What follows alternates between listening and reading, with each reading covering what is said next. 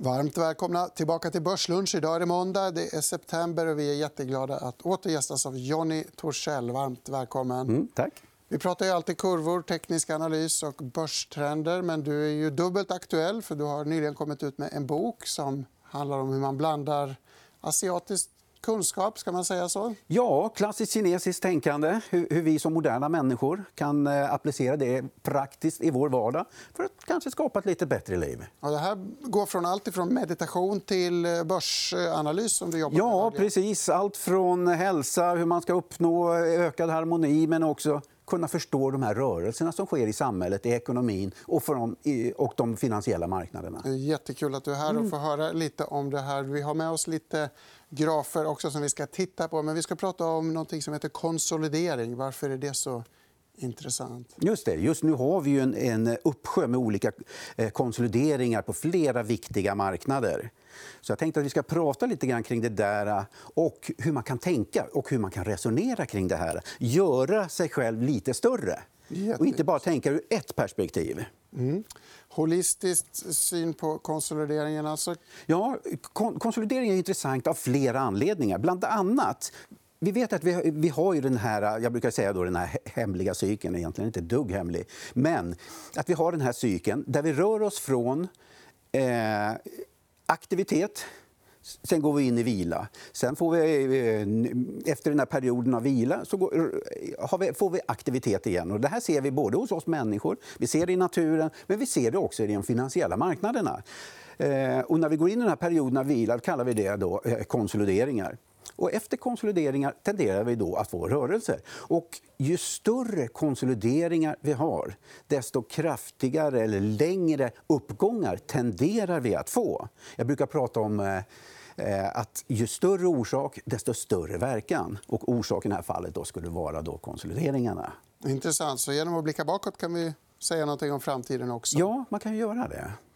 Den konsolidering vi är inne i nu, kan du beskriva den kort? Ja, här ser vi ett exempel då på, på, på de här äh, den här pulsen, så att säga, när vi går från vila till aktivitet, från vila till aktivitet. Här hade vi till exempel finanskrisen här borta. Mm.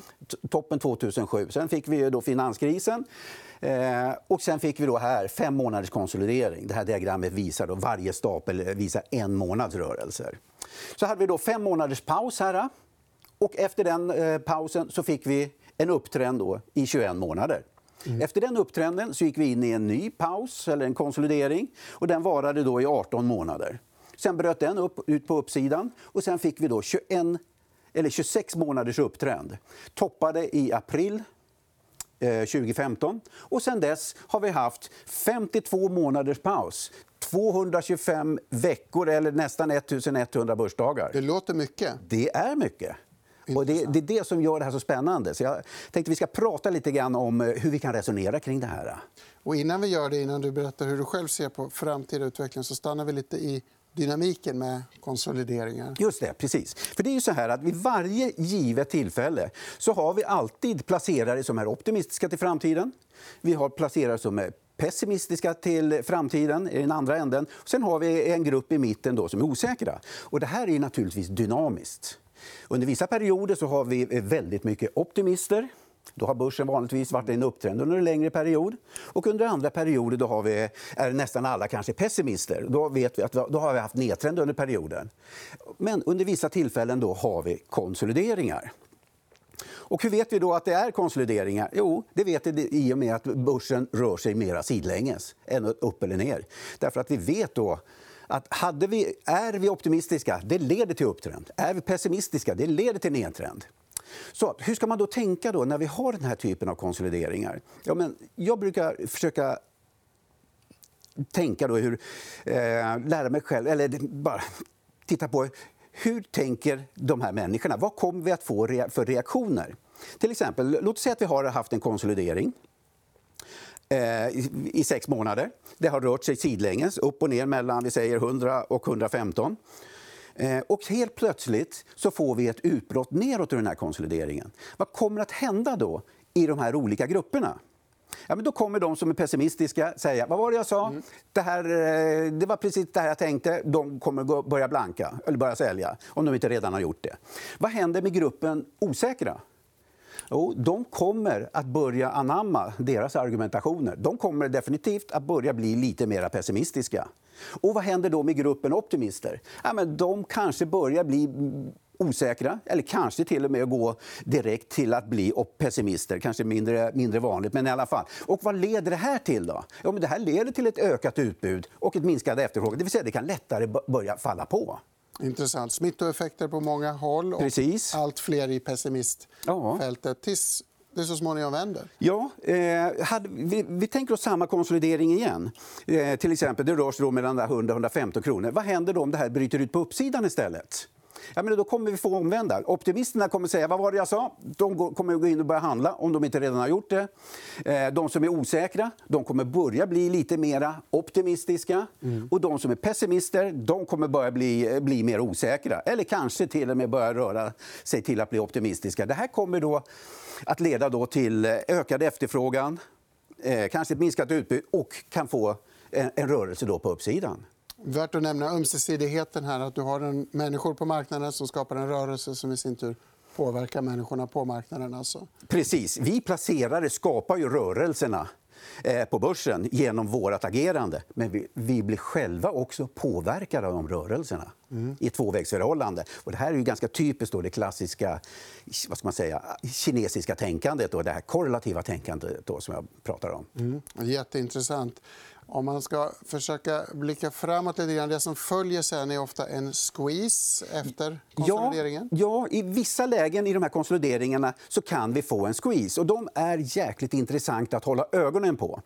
T till exempel, vi säger att vi har en, en, den här konsolideringen som vi har pratat om. Sen får vi helt plötsligt ett utbrott på nedsidan här. Vad händer här? Jo, här går pessimisterna. Vad gör de i det här läget? Ja, men de börjar blanka. De tror att det här ska ner. Visst.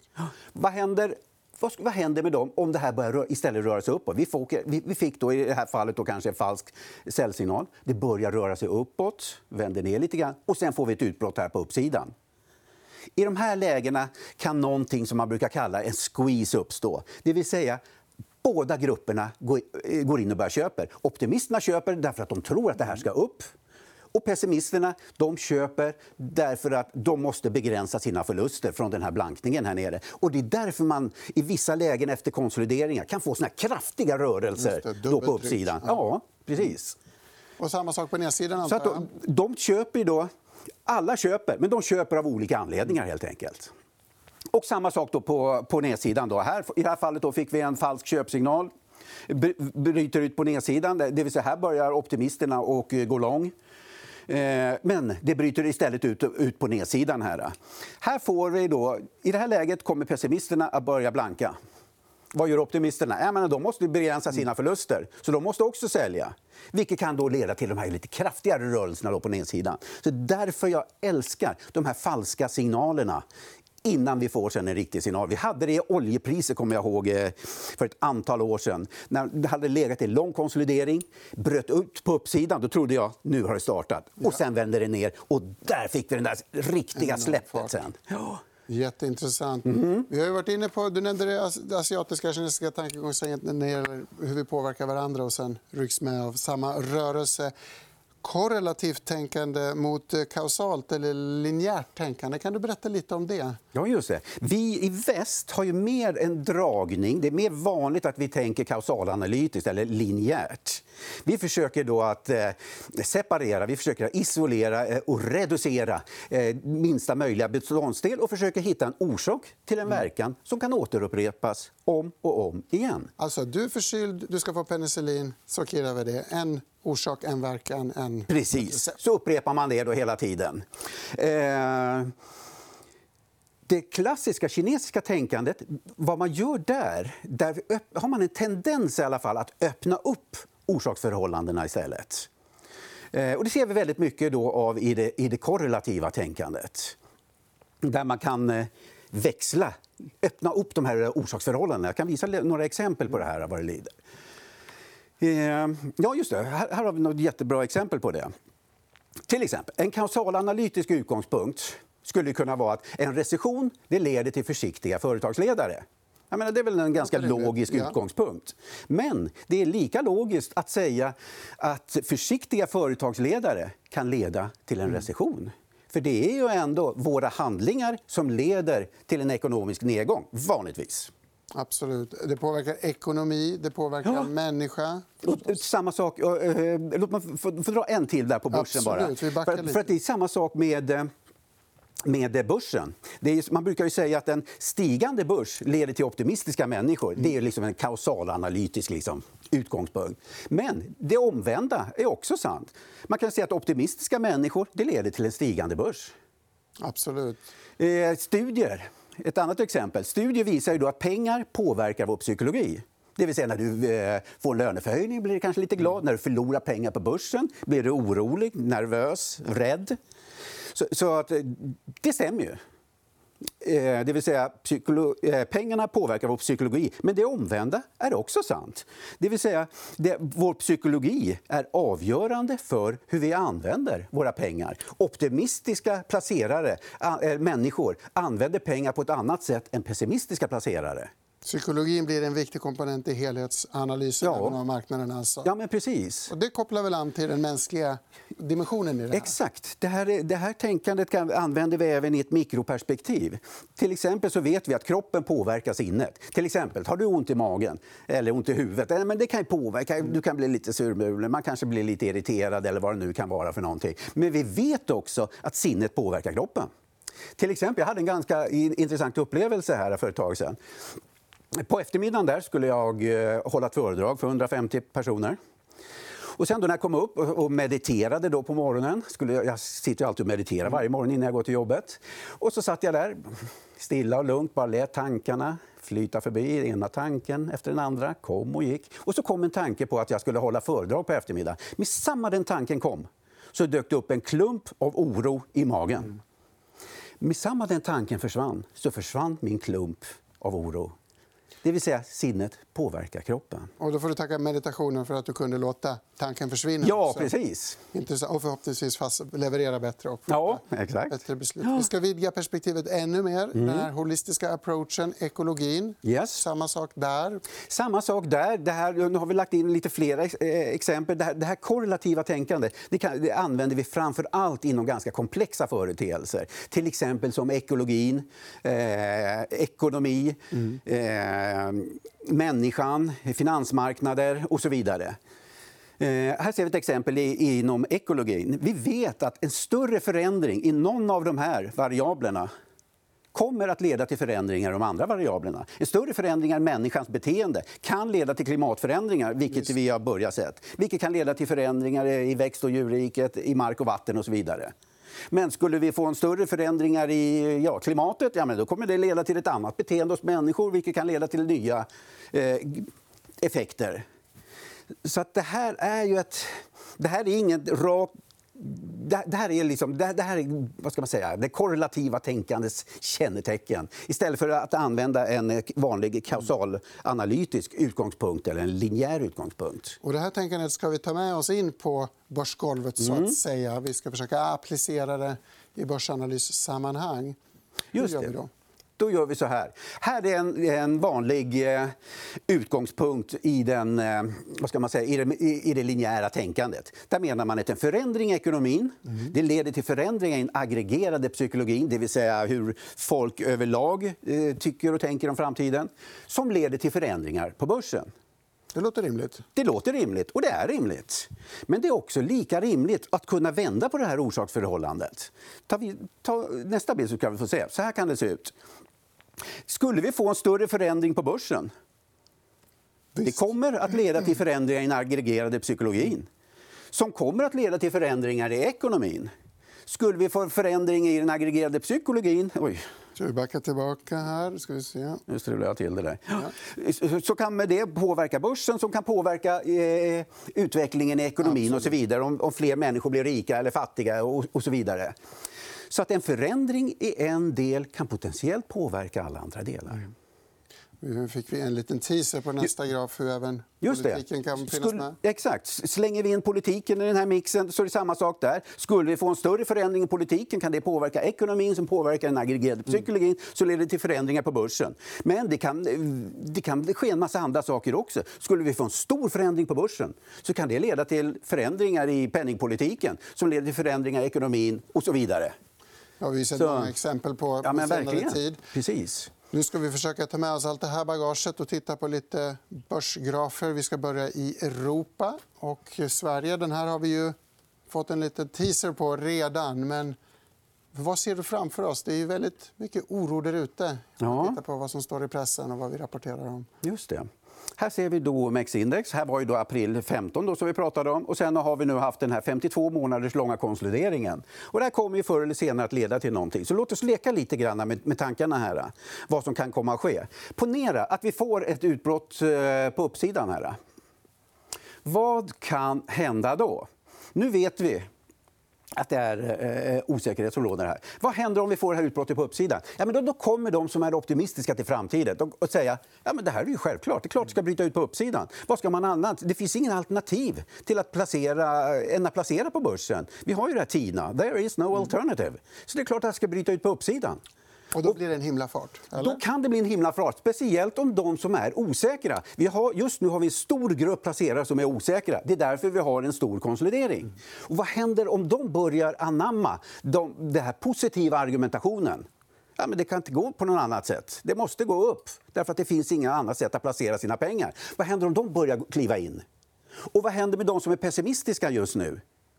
Och de märker att det här bryter ut på uppsidan. Helt plötsligt så börjar vi få då en massa köpordrar. Det kan vara så att de som är pessimistiska de kanske inte går till att bli optimistiska men de känner att de är tvungna att gå in och köpa för att missa.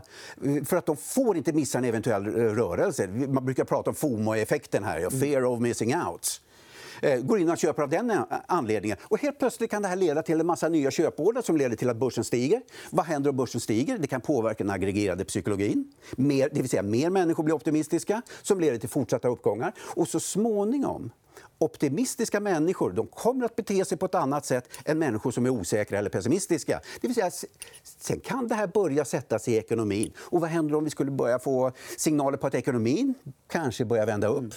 Då kan vi få nya. Det vill säga, då är vi inne i en positiv feedback-loop. Mycket intressant. Ja, vad händer om det här skulle bryta ut på nedsidan? Då?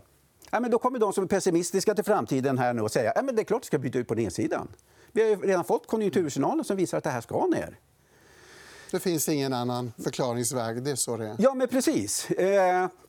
Och vad händer då med de som är eh, osäkra i det läget? Ja, men de kommer börja anamma den, deras, plocka upp deras argumentation och börja vänja sig med den argumentationen. Och de som är positiva de kommer börja bli väldigt osäkra på det här. Och vad händer då? Ja, men då kan vi få ett ökat utbud, eh, fallande kurser. Eh, vilken kan leda till en ökad rädsla. Den här aggregerade psykologin kan börja bli eh, mer negativ hos en större del, del av befolkningen. Nu är jag så exalterad. Så Ja, ja, nu, nu snubblar jag på orden. Jag kan vara Eh, fräck och gå vidare till nästa. Mm. Vi har samma dynamik i konsolideringen om jag tolkar det rätt, Ja, även exakt. på ett bredare europeiskt index. Ja, precis. Här ser vi då eh, Eurostox 50. Eh, sen slutet på eh, ja, 80-talet. Här är toppen år 2000. Vi gjorde en lägre topp 2007. Här är toppen 2015. Och sen eh, eh, under de här senaste fyra åren här nu har vi haft en konsolidering. Och det är samma sak här. Det här kommer ju förr eller senare att leda till en, eh, en kraftig rörelse. Kan vi säga någonting om när? Ska de bli tätare och tätare, de här Ja, rörelserna? det är svårt att säga om det här ska bryta ut just nu på en gång eller om det ska gå och, och joja lite till i den här. Jag vet inte det. Men vad man gör då är att vi börjar titta på var, när börjar det bryta ut, till exempel då på uppsidan eller nedsidan. Och då vet vi hur vi kan börja tänka. Då, det här gör ju då att vi, vi får ett mer öppet tänk. Vi vet att saker och ting kan ske. Det är inte så enkelt att ekonomin leder till det och leder till det. Utan det kan bli såna här korrelativa effekter då, som jag skriver om i boken. Mycket spännande. Här har vi soliga Spanien. Här har vi härliga Spanien, soliga Spanien. Är inte lika soligt på börsen. Nej. Här, den toppade 2007. Sen har vi gått sidlänges med stegvis högre bottnar och stegvis lägre toppar. Och det här blir ju jättespännande nu att se vilket håll eh, det här sker. Vad händer om det här skulle bryta ut på nedsidan? Här? Eh, Då kommer det ju att ske en massa korrelativa effekter. För det första kommer det att eh, det kan leda då till fler pessimistiska placerare, de som är osäkra och så vidare, här som vi har pratat om. Och vilket kan leda till fallande kurser. Men sen kommer det här då att sätta sig då i ekonomin, eh, i fastighetspriserna. och så vidare. Sen kan vi även få resonanseffekter. Det kanske blir mera oro, vad ska man säga, oro i samhället. Social oro kommer att öka mm. om den här nedtrenden blir tillräckligt stor. Men nu vet vi inte det. Nu får vi se då åt vilket håll det här ska bli. Men det kommer att hända en massa saker när vi får de här utbrotten åt olika håll. Och det är det jag menar, det är det som är så intressant. Att kunna vara öppen för de här förhållandena. Och det är intressant för oss att vi kan använda börsen till så mycket mer än att bara titta på börsen själv. Precis. resonera så mycket annat i samhället. Oh. Italien är förstås ett land med många utmaningar. Här har vi Milanobörsen. Ja. Eh, här är ju verkligen en börs som har varit också otroligt svag. Här är toppen då 2007, botten 2009. Sen har den rört sig upp och ner eh, under de här senaste tio åren i stort sett. Eh, vill man vara positiv? Ja visst, vi har två högre bottnar här. Ja, men det kan ju vara lite positivt. Då. Men i övrigt är det här verkligen en otroligt svag marknad. Så de senaste så... årens historik i Spanien och Italien gör det mer pessimistiskt än när du tittar på Stockholmsbörsen eller bredare europeiskt? Ja, Stockholmsbörsen och flera andra index, Tyskland och, och så där, de har varit betydligt starkare. Här visar att det finns någon underliggande strukturell svaghet i de här länderna. Annars skulle vi ha haft en bättre utveckling. För man har, ECB har ju satsat enormt mycket kraft monetär kraft på att, att, eh, att, få igång ekonomin i Europa. Men uppenbarligen har man inte lyckats. För annars hade vi haft högre kurser. Mm. Vi ger, oss, vi ger oss istället till USA. Där har vi haft en mycket starkare börs. Men den som är pessimistisk kan ju peka på börsens skräck. Den inventerade yieldkurvan, avkastningskurvan. Hur ser du på den? och hur ser du på USA-börsen. Just det. Vi har ju haft, det var ju här mycket för någon vecka sen eller två. Eh, mycket prat kring den här inverterade mm. yieldkurvan. Här. Och här ser vi den här uppe, i grafen här uppe. Och här ser vi då S&P här nere. Att den nu har kommit under noll. här. Eh, men det här är ju... Ursäkta. Det här är ju en, en, eh, ganska långsam indikator. Eh, det kan ta ganska lång tid innan man får de här eh, recessionssignalerna då, som de här då brukar visa. Här fick vi då, senast det här skedde det var jag tror den 27 december 05 vi fick en inverterad J-kurva. Och sen toppade börsen sen, jag tror det var 20 månader senare. Ja, det är ganska långt innan det. Precis. Så svårt att säga alltså när den här... Ja, exakt. Det var samma sak år, år 2000 också. Att det, det, kom eh, ganska tidigt och sen fortsatte börsen utvecklas positivt. Så att, eh, jag tror inte på en recession och det, tro, och det är av två anledningar. Eh, för det första så länge börsen befinner sig i en uppåtgående trend. Vi har i alla fall högre toppar. Sen har vi börjat se en oro här, absolut. Mm. Men vi har fortfarande högre toppar, vilket är en signal på optimism. Eh, och, eh, så, så, länge vi inte får en säljsignal på USA-börsen då tror inte jag att vi går in i, i någon typ av eh, recession. Sen har vi fått lite svagheter på USA-börsen. Det har vi. Det här är ett riktigt långsiktigt diagram. Varje stapel är en månad. så Vi får inte mm, dra för korta slutsatser av det här. Men här ser vi att USA-börsen till exempel noterar stegvis högre toppar. Men titta på vad som händer i, i hastighetsindikatorn. Det vill säga, vad det här helt enkelt visar, det visar att hastigheten i uppgången håller på att avta. Och det är ibland en signal då på att mm. en förestående vändning. Vi hade det till exempel år 2000. Högre toppar i, eller i S&P 500 men lägre toppar i hastigheten. Vi hade det vid toppen 2007. Intressant. Eh, med lägre hastighet. Ja. Vid toppen 2016. Sen, det var väl knappt 20% nedgång, så i alla fall någonting. Högre toppar här, men eh, det bekräftades inte då här. Så, lite varning. Så pessimisten kan kolla på de här, optimisten ja. kan kolla på den långa starka trenden som fortfarande är obruten. Precis. Men just nu, vi har inga säljsignaler i USA. Och så länge vi inte har det, då kommer vi inte få en recession tror jag. Och vi har en annan faktor som är positiv och det är arbetsmarknaden i USA. Precis. Sysselsättningen ser vi här uppe i röd kurva. Sen har jag lagt in ett 12 månaders medeltal för att visa när vi får köp och säljsignaler. När den röda kurvan går över den eh, vita här nu så har vi en köpsignal i arbetslösheten. Du ser. Eh, jag teknisk analys på även makrokurvorna. Jag eh, fick en köpsignal här, då, 10 tror jag det var. Och sen har vi befunnit oss i en köpsignal hela vägen. Och här nere ser vi då S&P 500. Vi kommer inte få en recession om inte den här vänder ner och effektuerar en säljsignal. Eh, så att någon av de här måste effektuera en säljsignal. Normalt sett brukar börsen ligga före arbetslösheten. Eh, men, eh, så någon av de här måste effektuera en säljsignal. Skulle vi få en säljsignal på börsen, då tror jag att den här kommer att börja effektuera en säljsignal. Och skulle den här effektuera en säljsignal, då tror jag att vi kan få en säljsignal på börsen.